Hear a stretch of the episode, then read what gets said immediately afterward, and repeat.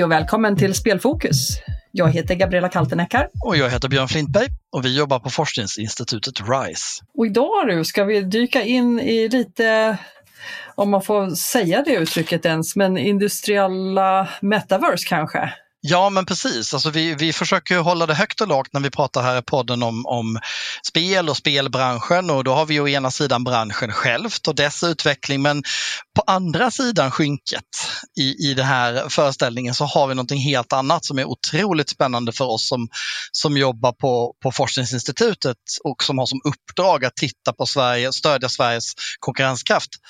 Och det är ju det som man jobbar med här som våra gäster ska prata om, nämligen att tillämpa den här typen av teknologier och visualiseringsmöjligheter i konkreta problem som finns inom industrin. Och specifikt som vi ska få höra om idag, då har jag förstått om hållbarhet och energi. Och vi, vi kommer förmodligen att ha ett ganska långt snack så jag tänker att vi bara direkt välkomnar våra gäster in i studion. Säger jag hjärtligt välkomna till Jonas Jonsson och Magnus Arfors till Spelfokus. Tackar. Tack så mycket. Tack så mycket. Och jag tänker vi kan väl börja med att ni får presentera er själva och vart ni kommer ifrån eh, så att våra lyssnare kan lära, er, lära sig känna igen era röster. Vill du börja Magnus? Jag kan börja. Jag kommer ifrån One Reality och eh, det grundade vi 2016. Och eh, vi är väldigt spända på möjligheterna kring eh, virtuella eh, världar och digitala tvillingar för nytta, inte minst hållbarhetsnytta. Och eh, innan det så var jag också medgrundare i ett annat bolag som fortfarande finns, men också med sikte på, på visualisering. Och där vi hade vår första kund i form av Ericsson, som är länge sedan nu. Men där vi upplevde styrkan så att säga i, i, i visualiseringen. Och jag eh, heter då Jonas Jonsson och jag har eh, egentligen en bakgrund som entreprenör och har grundat, startat ett eh, stort antal bolag. Och nu är jag medgrundare på Stella Futura som egentligen betyder framtidens stjärna, alltså framtidens unga stjärna som inom mitt gebit och energibranschen, framförallt energilagring eller förnyelsebar energi, Eh, driver olika frågor om utveckling. Ehm, I Sverige är det väldigt hett med batterier just nu. Det är också väldigt hett att eh, rekrytera eh, unga talanger till den här industrin Eh, och hur ska vi göra det? Och jag har en bakgrund eh, inom eh, kommunikationsbranschen med flera spelbolag faktiskt som kunder i, i lanserat Battlefield och vi har jobbat med olika bolag där. Så jag har alltid närt en liten dröm om att gamifiera hållbarhet utan att veta exakt vad det ska landa i. Men att, att bygga in lärande, lekande, game, game, game, gamandets så att säga styrkor i omställning i någon form. Men det är lite öppet hur det ska sluta. Men vad spännande! Och eh, Magnus och jag, vi träffades ju på, håll i hatten nu, Borgeby fältdagar. Mycket trevlig tillställning som går av stapeln varje år i Borgeby i eh, Skåne eh, där vi pratade om spel och spelifiering inom jordbruk. Och då Magnus kom vi ju i samspråk om eh, eh, One Reality och vad ni jobbar med Ehm, och hittade lite intressanta samberöringspunkter. Ehm, och sen så när vi började prata om det här avsnittet så tog ju du Magnus initiativ om att ta med Jonas och Stella Futura i den här podden. Kan ni beskriva lite grann vad ni har för relation till varandra? Ja, eh, helt kort så vi, vi har ju känt varandra ett tag, eh, One Reality och Stella Futura. Och eh, lite grann här som Jonas eh, beskriver så, så har ju, eh, eh ja vi har behållit kontakten helt enkelt. Och baserat på vår tidigare erfarenhet ifrån till exempel att vi eh, visualiserade ett Nobelpris i medicin, det är ju aktuellt i de här dagarna faktiskt för övrigt, och har också byggt utbildningar i säkerhet för i, i byggbranschen. Baserat på det så har vi spanat på energi faktiskt under en längre tid och inför den här energiomställningen och det är viktigt och alla behöver förstå, vi behöver ha samma målbild och så vidare. Och då har det här lett fram till att eh, i de här diskussionerna tillsammans med Stella att vi nu har tagit klivet in i att eh, bygga en virtuell arena eh, och även tvillingar eh, för att eh, supportera den här omställningen helt enkelt. Och, och här kan vi ju bara konstatera att Stella eh, har varit tidigt ute och eh, förstår det här, tar ett ansvar eh, och eh, har, eh, vad ska man säga, satt ner de första eh, destinationerna i den här virtuella världen och bjuder nu också in andra och här kan Jonas fylla i tror jag. Ja, men exakt, här kan jag ta vid. Det är så här att i, i det här arbetet ute på fält att försöka få kommunala energibolag, eh, snabbfotade entreprenörsbolag att mötas i, i någon form av omställningssamsyn. Eh, eh vad, vad är det som kommer först? När ska det ske? Hur ska det ske? Vad ska ske? Vem ska äga vem får äga? Eh, hur kan jag miljödeklarera? Vad, vad, vad, eh, klarar jag av de nya regelkraven från, från EU och så vidare? Alla de här frågorna möts i någon sorts smältdegel i mitten och det har varit jättesvårt, tycker jag, att träffa rätt tills det att vi byggde in det här i en digital värld, att vi visade och visualiserade er roll, vår roll, någon annans roll och vad händer sen och vad gör vi för vem? Och det, det har gamifieringen hjälpt oss med. Så det har blivit liksom ett sätt att förklara och ett sätt att få med sig eh, samskapa eller få med sig partners. Då. Så istället för att jag blir leverantör så har jag blivit någon som kan hjälpa någon annan med, med inte bara sin egen affär. Utan, eh, och där känner jag att vi, vi li, ligger, ligger helt rätt nu i tiden och bygger mot nästa steg då, som kan vara till exempel utbildningar, eh, göra dem mer attraktiva. Och, och, Björn och jag har pratat tidigare om det här. Björn, du får hoppa in här när du, säger att, när du märker att jag säger någonting tokigt. Men vad spel, teknologi och metodologi kan ha för nytta i andra branscher. Och dagens samtal cirkulerar ju väldigt mycket runt det.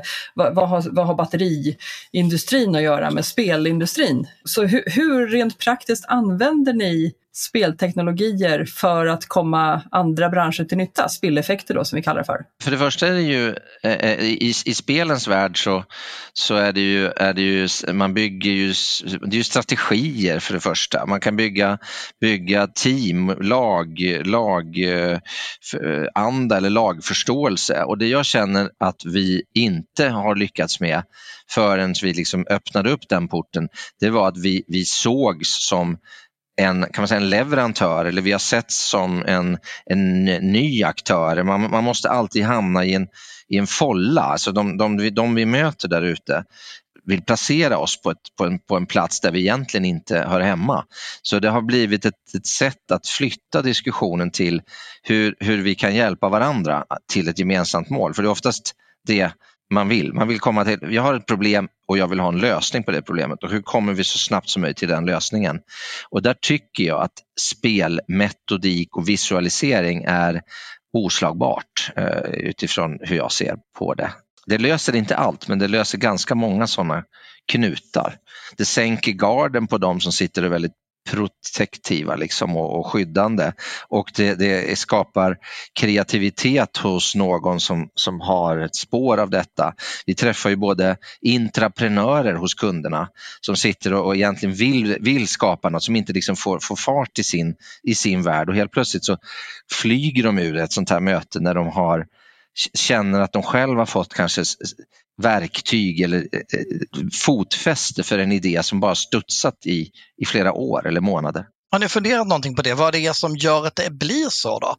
Vad, vad är det som spel eller spel anknutna teknologier och metoder har? Liksom, vad, är det som, vad är det som gör att, det blir, att man får den effekten? Ja, det, är, det är en väldigt bra fråga faktiskt, men äh, jag tror att vi, om man, om man jag är, jag är en medelålders man och, och, och, i varje rum där man träffar andra medelålders man då infinner sig någon form av jag vet vad jag pratar om. Eh, det blir en behold, a man has entered the room. Det blir liksom lite eh, ett, ett, ett, ett märkligt eh, eh, läge där man måste övertyga någon som, som eh, sitter på alla svaren. Och det vet vi ju alla att det, så är det inte. Och då, då blir det helt plötsligt att man kan flytta fokuset från att här kommer någon och ska försöka pracka på någon, någon något som som man är lite rädd för. Vi är ju alla lite halvskeptiska där i början och det tycker jag man gör med, ska vara med all rätt. Men om man då flyttar in flyttar in folk i en digital värld. Jag vet att Magnus eh, och One Reality har hjälpt oss med att visa hela Sverige med, med stamnätet på el och så ser man elområdet längst upp i norr och i, i elområde 2 i Mellansverige, elområde 3 med Stockholm, Värmland och så söderut och elområde 4. Det känner alla igen, det är ganska ofarligt. Alla är helt överens om att så där ser det ut. Och sen så flyger vi in liksom inzoomande, så sveper in i, över en stad i södra eller mellersta sydvästra Sverige. Och där helt plötsligt känner man igen byggnader eller fastigheter. Och så, till slut landar vi på huvudkontoret eller ställer oss ute på parkeringen utanför den kund vi besöker och vill träffa. Här är vi nu och, och, och vi, är liksom, vi blir liksom lite, det blir liksom avväpnande på något sätt. Att det, inte, det blir inte så farligt helt plötsligt. Utan... Ni pratar om upplevelsen, ja. alltså man, man, man, kan identifiera sig och, och känna igen sig i vart man är någonstans. Just det. Man ger, man ger alltså inte bara information verbalt eller skriftligt utan man ger en upplevelse. Exakt, ja, man, blir, man, man kommer liksom in, att vi, har, vi, har, vi kan ha samsyn om någonting och så börjar vi kring det vi har samsyn om. Det vill säga att det kan vara en utmaning i ett, i ett, hos kunderna, deras kunder eller i, i elnätet, vårat elnät. Eh, och att, att man inte kommer med lösningen rakt på eller försöka komma med någon produkt rakt på eller sånt, utan att det blir man börjar samtalet lite mer high level, inflygande och, och, och det sätter ju igång eh, hjärnor eh, på olika sätt. Det är ett fantastiskt bra sätt att etablera en, en gemensam baseline på som du säger. Att man vet att nu, det är här vi är, det är det här ämnet vi berör, vi tittar på det, samma bild.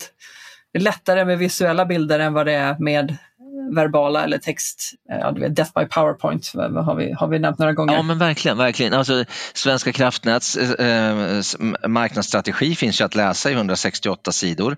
Den kommer oftast kvartalsvis också, den korta och den långa versionen. och den är helt korrekt. Det finns inget att invända. Men det är inte nödvändigtvis så att vi har samsyn för att vi har läst den allihopa om vi ens läser den så att säga. Så att jag tror... 168 sidor. Ja, men den, de är bra vet du. De är inte... Ja. ja, Men eh, ni berättade lite grann här i början om att ni har eh, liksom i VR visualiserat ett Nobelpris bland annat. Vill ni berätta lite om det? Det låter jättespännande. Ja, det var eh, några år sedan så, så samarbetade vi med Nobel eh, Media och eh, en VR-supplier eh, som heter HTC. HTC Amerika i det här fallet. Och, eh, och, och, det handlar ju helt enkelt om att, eh, precis som Jonas säger, att skapa en samsyn.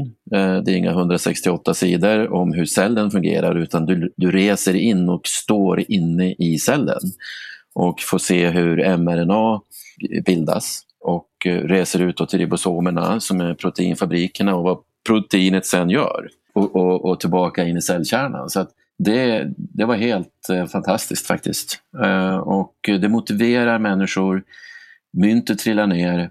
Eh, vi har gjort en hel del på medicinsidan överhuvudtaget som vi då har återanvänt också i säkerhetsutbildning i, i, eh, i byggindustrin. För att motivera medarbetare att ta det försiktigt. Och, och, här är exemplet att man fick resa ner i lungorna och titta på vad kvartsdamm gjorde med vävnaden. Att du kan inte bli kvitt det. Och eh, det här, den här utbildningen har 20 minuter och kom ut på andra sidan och var lite bleka om nosen och undrar hur de har gjort de senaste åren ungefär. Och eh, det har noterats en tydlig beteendeförändring mot det bättre. Och det är ju här vi har det. Och det finns ju också studier nu där ute i världen från olika universitet som visar att den här typen av upplevelser mer än halverar inlärningstiden och mångdubblar hågkomst. Och det, det, är ju därför det här nu används i bilindustri, det används eh, av, av, Siemens. Eh, det, det, diskuteras eh, vitt och brett. Vi sitter med ett projekt som heter Hexa X2 som är ett eh, europeiskt eh, 6G-projekt där framförallt hållbarhet diskuteras och där har då XR, som det kallas för, Extended Reality, som vi nu pratar om i den här podden, en central eh, roll.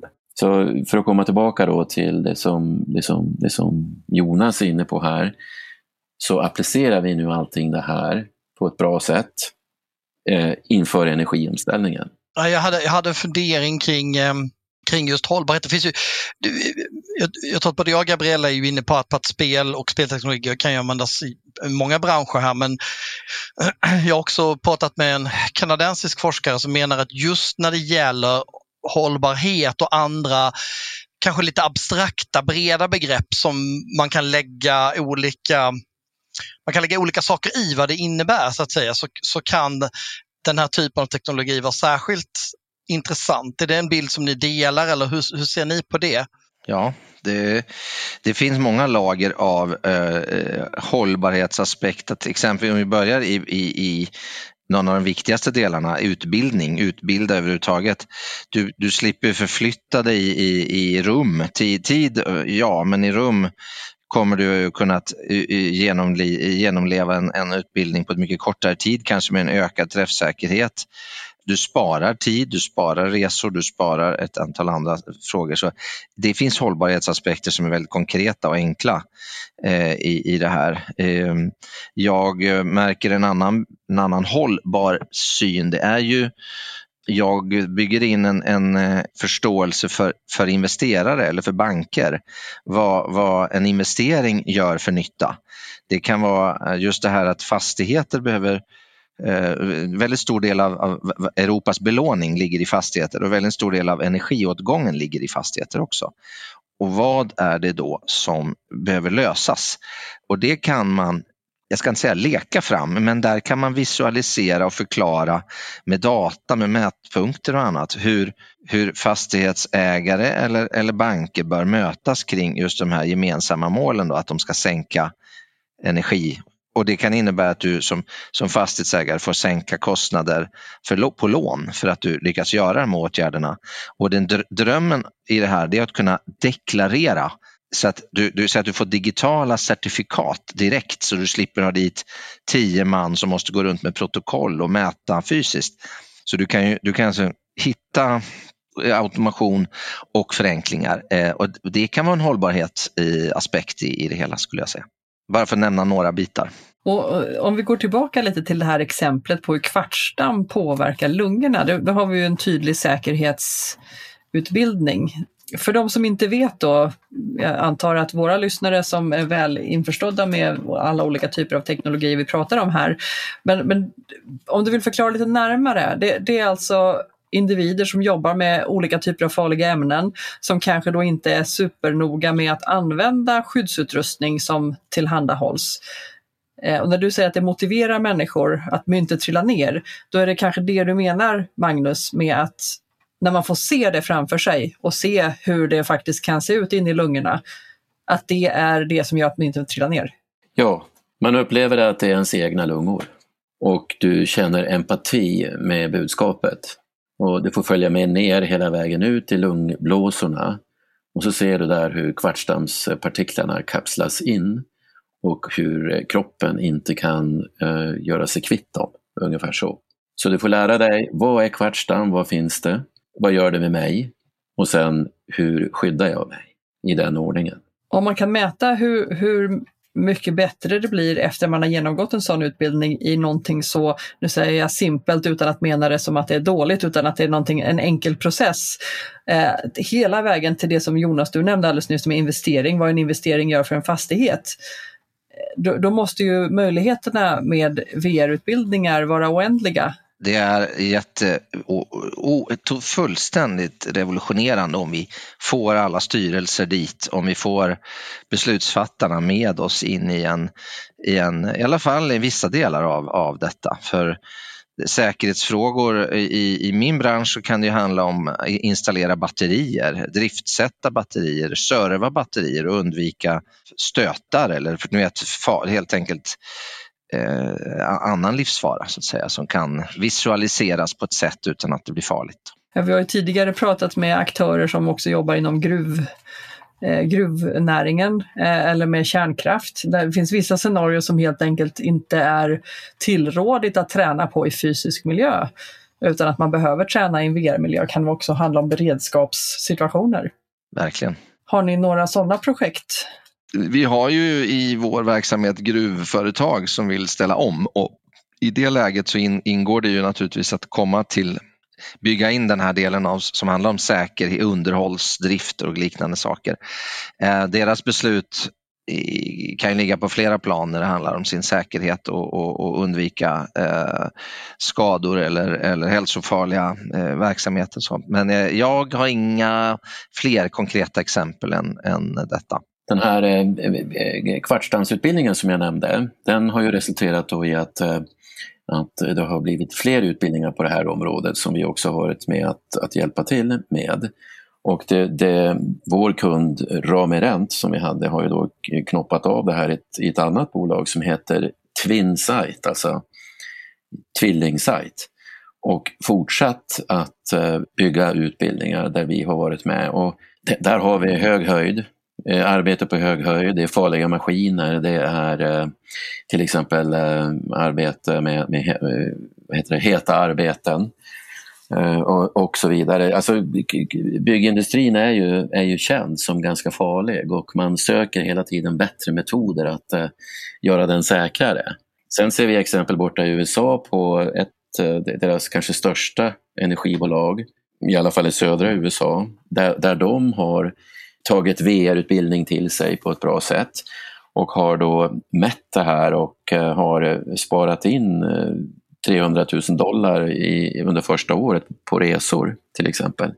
Vilket också har en tydlig hållbarhetsaspekt. Eh, Så de tickar boxar både på eh, social sustainability och economical och environmental sustainability. Eh, det, är viktigt. Nu, nu, har vi pratat ganska mycket om möjligheterna och de är ju väldigt breda. Ni har gett väldigt konkreta exempel som jag tror är supernyttiga för, för folk som sitter och lyssnar på det här och som funderar lite grann på hur hur skulle vi kunna ta oss an det här? Och, och jag, jag, tror det är viktigt att göra de här exemplen för att jag, ni känner ju också till det där att det finns ju någon slags bild hos de som inte har en vana av att jobba med spel att man kanske bara tänker just på underhållningsdelen av spel eh, och spelteknologi. Men här handlar det om att ta liksom en teknologi och ett, inte bara teknologin utan också ett sätt att presentera och visualisera som lånar en hel del från spelen. Men vilka utmaningar är det då med att göra det här? Vad är det så att säga som, som hindrar att inte alla kör det här redan nu? Vad är det som är vad är, vad är bromseffekten som ni har sett? Men det är ju som, som så ofta, det är ju i governance-frågan. Alltså, tänk dig stora statliga bolaget X som äger hälften av alla elnät i Sverige som har tusentals medarbetare. Att få dem att hoppa på någonting som någon annan har startat eller börjat med. Att känna att, att, att vi, vi mer samskapar något som de kanske många gånger kan säga, men det här borde ju vi ha, det här borde vi ha själva. Det finns, en, det finns ett stort sånt hinder där ute. Att, att samskapa och dela är, är inte finare eller är farligt eller avslöjande på något sätt det, det, det, är ett jättehinder, upplever jag i alla fall. Finns det några risker med, med, med det som vi är rädda för, då, att samdela, samskapa menar jag? Ja, men om du inte sitter på all kunskap eller så pass mycket kunskap som kanske ni och vi gör i den här frågan, då ser du ju bara att jag lägger upp information om mig eller mitt företag eller mina platser eller sajter eller, eller verksamheter som andra kan sno eller komma åt. Men egentligen så är det ju frågan om att dela, dela en, en värld med analys och data så att vi kan vi kan sam, samskapa. Det, vi, vi tar elnätet egentligen, det är det vi fokuserar på. Va, va, vi vet att det idag är ett ganska väl fungerande men vi vet att om några år och om 10 år, om 15 år så kommer vi ha ganska många utmaningar. Och i, i det här så, så kan man bygga in analys eh, ifrån eh, mätstationer och analys från el, elutredningar som skulle kunna tillgängliggöras för alla. Och egentligen den som delar datan kan få intäkter på data faktiskt. Det, det, känner ju inte de här bolagen till, eller tänker man inte. Så delar du data kan du, kan du få intäkter på detta som, som en streamingtjänst. Alla fattar att är jag kompositör, låtskrivare och framför så kan jag få pengar om jag lägger upp låtarna med Spotify. Det fattar alla, men det är ju samma, samma sak. Det förstår man inte alls. Och det är, det ett enormt gap skulle jag säga. Finns det kanske lite marknads, eh, marknadsföring att göra för de aktörer som jobbar med den här typen av det skulle jag lösningar. säga, definitivt. Vi, vi kanske behöver lägga tio gånger mer på marknadsföringen på utveckling. Men det här är ett sätt att göra det på, så det, det, är jätteviktigt. Vi, vi var inne och nosade på det här begreppet med digitala tvillingar innan. Det kanske inte är ett jättevanligt förekommande begrepp inom just dataspelsbranschen, apropå sånt som, vi, som är vanligt nu för tiden men som ändå inte är eh, välkänt. Eh, vill ni förklara lite grann runt vad, vad är en digital tvilling? Alltså en digital tvilling kan man säga är en eh, fotorealistisk, eh, för det första, eh, tvilling till en fysisk, ta till exempel en, en turbin, så, så har du en, en realistisk tvilling av den turbinen. Men det stannar inte där, utan då, då har du realtidsdata från olika mätpunkter i den här turbinen. Temperatur, varvtal, tryck, sådana här saker. Va? Och det datat i en dataström då går in, rakt in i den, den eh, digitala tvillingen. Och så kan du då sitta på distans och följa den fysiska eh, manifestationen på ett hundraprocentigt sätt. Och förutse underhåll, du kan, du kan göra simuleringar, du kan titta på historiska data, du tittar på realtidsdata och behöver inte resa det knyter lite an till det här som vi pratade om med kvartsdammet också. Liksom att du, det är inte bara det att man kan visualisera en fysisk verklighet utan man kan göra mer än så. Man kan visualisera sånt som annars inte är visualiserbart. Ja, det är riktigt. Och det, det är ju otroligt intressant. Jag vet att vi har ju ett projekt hos kollegor håller i som handlar om geometri, matematik och att använda VIA för att lära ut det i, i, i skolmiljö. Då, där man säger så här, men hur, hur mycket är 12 kubikmeter egentligen? Ja, men låt mig visa dig. Kom, ska vi titta på 12 kubikmeter av någonting? Och det, det, finns ju alla möjliga applikationer för det här, men hela logistiksektorn är ju ett exempel. Hur, mycket, hur mycket yta behöver vi om vi ska bygga den här eh, omlagringsplatsen eller det här plocklagret eller vad det kan vara. Det är sånt där som jag gjorde i min tidiga ungdom och sitta och räkna ut manuellt. Vet du. Det, det, det hade ju varit trevligt att ha den här typen av verktyg då. Men, men jag tänker mig att batterinäringen Jonas, som, som du sitter i, det, det, måste ju vara alldeles utomordentligt att ha digitala tvillingar. Jag ser det som, som eh, ett, ett självklarhet för oss, eh, en, en, en, en enorm möjliggörare. Eh, vi har över hundra sajter i Sverige som finns där det finns batterier. Jag kan med hjälp av Magnus och hans team flyga in på varje sån plats. Jag kan gå in i den fastigheten och visa banken, här är grejerna. Jag kan i princip säga, här har du alla, med, med antingen lösenordsskyddat eller öppet, kan jag tala om, här finns det era 100 battericeller som ni äger, som, som, de finns där. Och nu degraderas de så här mycket jag kan miljödeklarera vad händer om tio år, att den ska recyclas någonstans eller så vidare. Det finns, det finns otroligt många så att säga, take och, och, och fördjupningar i det här. Eh, jag, kan visualisera intjäning, jag kan visualisera för, förbrukning, jag kan visualisera effektbehov och så vidare. Och så vidare. Jag tänker mig för dataspelsbranschen måste det här vara ett jättespännande område att börja utforska när man tittar på hållbarhetsfrågan och hur man kan visualisera och alltså deklarera på hållbarhet som, som är ganska svårt att förstå när man sitter och gör spel och är intresserad av att få ut dem på marknaden så kanske inte man tänker på men hur många taxiresor har vi tagit förra året. Det, det, Nej, vet, det är svårgreppbart och hur, vad har jag för miljöpåverkan? Jag vet inte. Tillver de flesta spelen är ju digitala och det, det blir en väldigt så här, teoretisk tankekedja över hur man kan mäta och rapportera in på alla de här sakerna där, där hade ju en sån här utveckling varit jättespännande. Det går att aktivera spelbolags olika CSR-program, alltså att man engagerar sig eh, digitalt. Ja, är man en stor energiförbrukare så skulle du kunna bygga in kompensation i återinvestering exempelvis. Så att eh, för varje klick, för varje tick, för varje minut, för varje X eller Y så är man med och, och ger tillbaka. Så det finns eh, oändliga möjligheter som jag ser. Det var, det, vi, det var där starten med att, att gamifiera hållbarhet föddes faktiskt en gång i tiden och se om man får med sig Embracer eller alla de här aktörerna. Det går långsamt men det, jag ger inte upp. Jag tror att det finns ett enormt fokus inom spelbranschen, många, alla de större bolagen i alla fall. Så det, jag, jag tänker att det kanske bara är en tidsfråga. Lärdomen är att man måste säga det på rätt ställe, det kanske är rätt person som måste säga det och det måste vara vid rätt timing. Så det är liksom inte bara att att, att det är möjligt utan det är, det är verkligen fem, sex, sju parametrar som måste dit så, så den här poletten, den här fina lilla poletten trillar ner också. Avslutningsvis, om vi, jag gillar ju att, att titta på och prata eh, om liksom vad kan vad kan man göra policymässigt? Så att säga? Vad, vad, skulle, för jag menar, en sak vi har pratat om här handlar om liksom att, att informera, utbilda, marknadsföra, liksom att, att visa på det. Att, att, att vi får visa upp det i så många sammanhang som möjligt så att folk förstår, för då trillar ju polletten ner. När man faktiskt får pröva och, och kliva in och se allt det här hända. Vad skulle man kunna göra? Har, har ni funderat någonting på vad man skulle kunna göra så att säga, från näringsdepartementet eller från liksom, myndigheternas sida? För att det här är ju med utgångspunkt i, den, i liksom det ni presenterar så är det här en smått revolutionär möjlighet för, för många företag i många branscher eh, och inte minst inom hållbarhet då, men, men även bredare än så.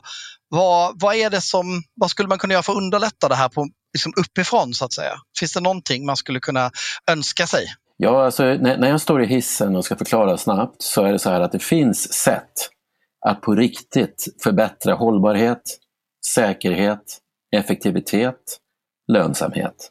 Och då kommer frågan, vad är det? Ja, det är detta.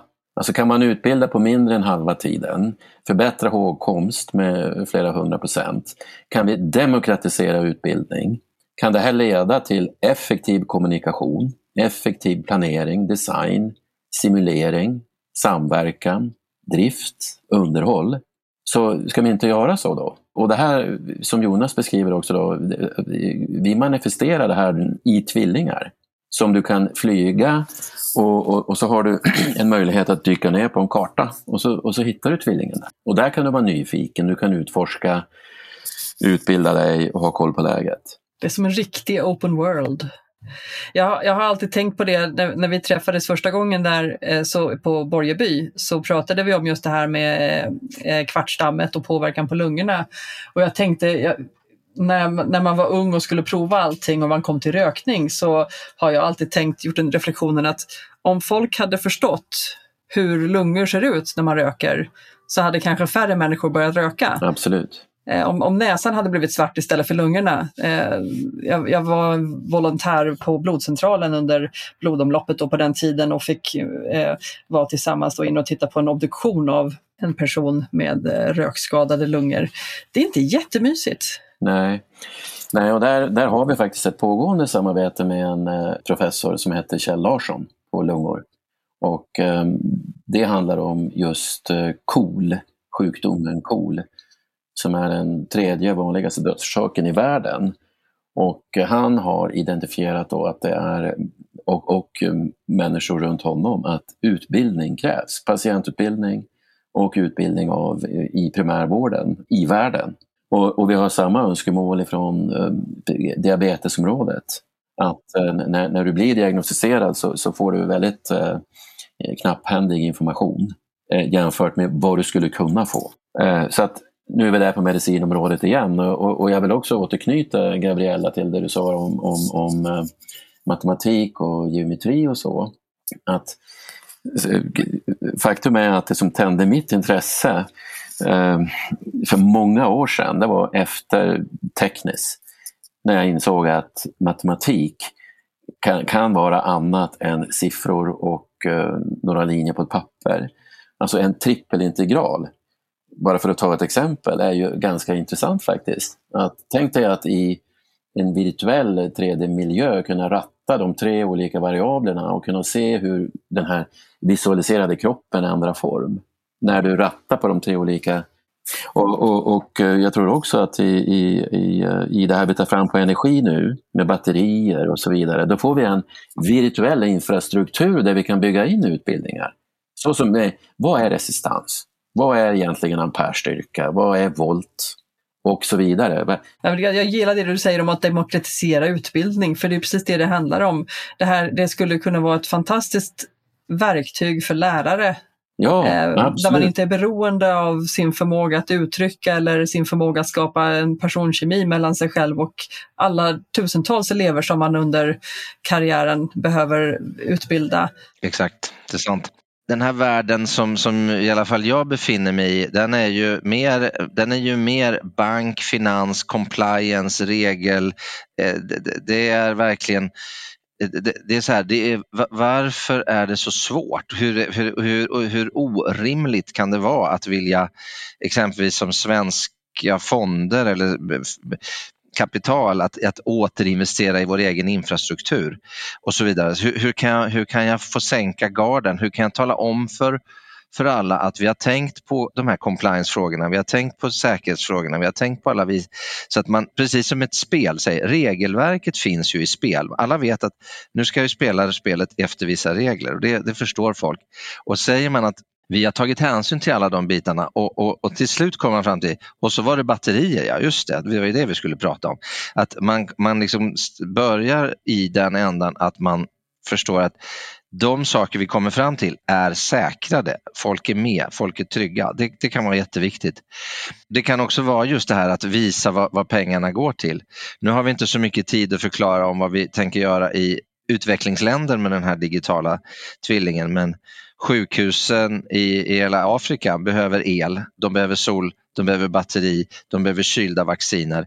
Den här resan vi gör med den digitala tvillingen på den kontinenten, den bygger ju också in rapportering tillbaka till bistånd, till finansiärer, till långivare, vad pengarna går till, vad man, vad man har bidragit till i form av olika eh, stöd och det är ett otroligt skarpt verktyg och ett, nästan ett måste för att få till, eh, för att få till det här globalt. Och där kommer ju utbildningarna verkligen, digitala utbildningar och kunskapsöverföringen verkligen in i bilden. Det är vad vi parallellt håller på med nu också. Alltså ett fantastiskt intressant ämne och eh, som vanligt hade vi kunnat prata i en halvtimme till men jag tror nästan att vi får försöka wrap it up här eh, och kanske återkomma till er under utvecklingens gång. Det hade varit jättespännande att få lite mer exempel när ni, när ni kommer vidare i arbetet. Det ska du få, verkligen. Tack för att vi fick vara med. Ja, jättespännande. Och det är inte bara för oss skulle jag säga, att vi har, vi har ett antal kollegor som, som verkligen är väldigt fokuserade just på, på XR och VR och på utveckling och användningsområden. Så det finns, det finns ett stort intresse skulle jag säga hos flera delar av RISE för, för att följa det här och för att kunna eh, göra tillämpad forskning kopplat till det. Och, och, inte minst säkert från våra lyssnare också. Så att om ni har frågor till våra gäster så kan ni alltid ta kontakt med dem via vårt LinkedIn-inlägg där alla är taggade. Eller så får ni gärna höra av er till oss så kontaktar vi ihop er. Eller kontaktförmedlar vi heter det, inte kontaktar vi ihop er. Alla är ju, eh, vi, vi, välkomnar aktörer till eh, eh energivärlden nu. Vi kan se det som en virtuell arena. Och, och eh, vi från One Realitys sida är ju, är ju tacksamma över att Stella och Jonas har verkligen förstått det här och eh, tagit på sig ändå ledartröjan, tycker jag, och, och tar ansvar. Och eh, det här rimmar också med Stellas engagemang i Afrika som Jonas var inne på, att eh, elektrifiera sjukhus, det är kopplingar till SDG-erna, alltså de här utvecklingsmålen. Så eh, det, det, det är där vi är. Hållbarhet, samförstånd, kommunikation, planering, simulering, digitala tvillingar. Så kom och joina. Verkligen. Det låter jättebra. Men då tackar vi er båda herrarna för att ni har varit med idag. Hjärtligt tack för att ni har delat med er. Tackar. Tack ska ni ha. Tack för att vi fick vara med. Verkligen. Tack så mycket. Du, nu känner jag mig lite grann som den här emojin som man kan använda i telefonen med liksom mind blown.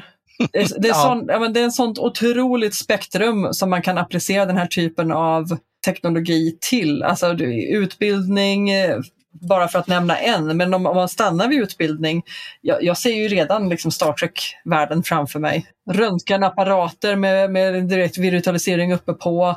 Det här som vi pratade om för några avsnitt sedan med AR-glasögon för sjukvårdare eller första hjälpen-kits, hjärtstartare med, med direktuppringning till SOS Alarm och så kommer ambulanspersonalen springande med, alltså med GPS-signal. Eh, det, det, det är så ofattbart att vi inte liksom redan är där egentligen. Ja, och jag tycker att det mest jag skulle säga att det mest liksom futuristiska, att det, vi är ju redan där, kanske inte riktigt i den enkelheten som det kan beskrivas i, i liksom science fiction-aktigt, men, men vi är ju redan där, det görs ju redan. Jag menar de här implementationerna som vi hör om och som, som, som vi har pratat om idag, det är ju det är saker som händer här och nu. Och jag, jag skulle verkligen, det här är verkligen ett avsnitt som jag hoppas att många myndighetsföreträdare och, och liksom politiker lyssnar på för att förstå det som, som ligger oss varmt om hjärtat när vi pratar om det här och varför vi på RISE är involverade i den här frågan, nämligen just hur spel inte bara handlar om lek och underhållning och förstörelse utan också ett otroligt kraftfullt verktyg för att skapa, precis som man säger, skapa engagemang, skapa en gemensam förståelse, kunna visa vad det är som händer så att man kan förstå. Men också sådana här saker som return on investment, att, att man kan skapa nya affärsmöjligheter genom att datan kan användas för att skapa intäktskällor. Eh, man kan spara kostnader på utbildning, spara kostnader på produktion. Det finns en rad möjligheter, ett helt affärsområde så att säga som öppnar upp sig när man börjar kombinera så att säga traditionell industri med modern teknologi. Och det här hoppas jag verkligen att vi ska dra fördel av, dra nytta av i Sverige. Vi har ju en kollega som tidigare pratat i podden som heter Petter Wanneberg. Eh, med honom har vi pratat bland annat om ett pet project of ours som heter VR-skolan. Eh, så det, det, kan finnas eh, projekt i vår framtid som vi kanske får förmånen av att prata om i den här podden eller på andra forum där vi, där vi kan verklighet, verklighetsgöra några av de här exemplen som har lyfts. Ur demokratiseringsaspekten, så just för utbildning, så är ju det här någonting som kan flytta oss framåt med ljusårshastighet. Ja, Ja, men så är det. Så, så att du, du, har ju hela utbildningsaspekten och jag blir också fascinerad när de börjar komma in på, på det här med hur affärsprocesserna kan effektiviseras, och de kan generera mer nytta och effektivitet. Ja, och kanske är det det receptet som behövs för att man inom industrin ska ta till sig det här. Att det inte bara handlar om att utbildningarna blir bättre och effektivare utan man faktiskt, de, de har data som, kan, som de berättar om här som de kan visa upp och som säger att så här mycket pengar har vi sparat genom att vi har gjort så här. Här var investeringen, här var outputen, det här vad det skulle ha kostat, så här mycket blev det istället.